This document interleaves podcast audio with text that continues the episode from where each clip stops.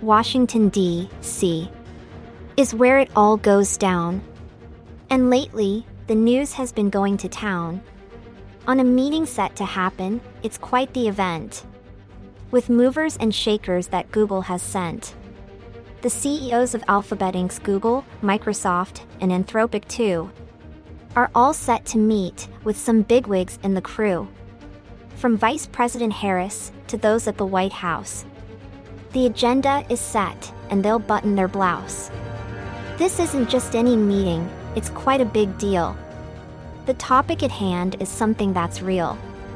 OpenAI is there to talk about tech ethics. To make sure the future of AI is something that clicks. From privacy to security, they'll cover it all. And with a meeting like this, they're sure to stand tall. The top officials will listen to every word they say. And together, they'll work to pave the way for the advancements we need to push us ahead and make sure that AI is something we're not to dread. With companies like Google and Microsoft leading the charge, we're sure to see progress, a revolution at large. So here's to the CEOs and officials alike.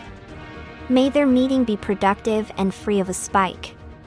We're counting on them to help us move along. In this fast paced world where technology is strong,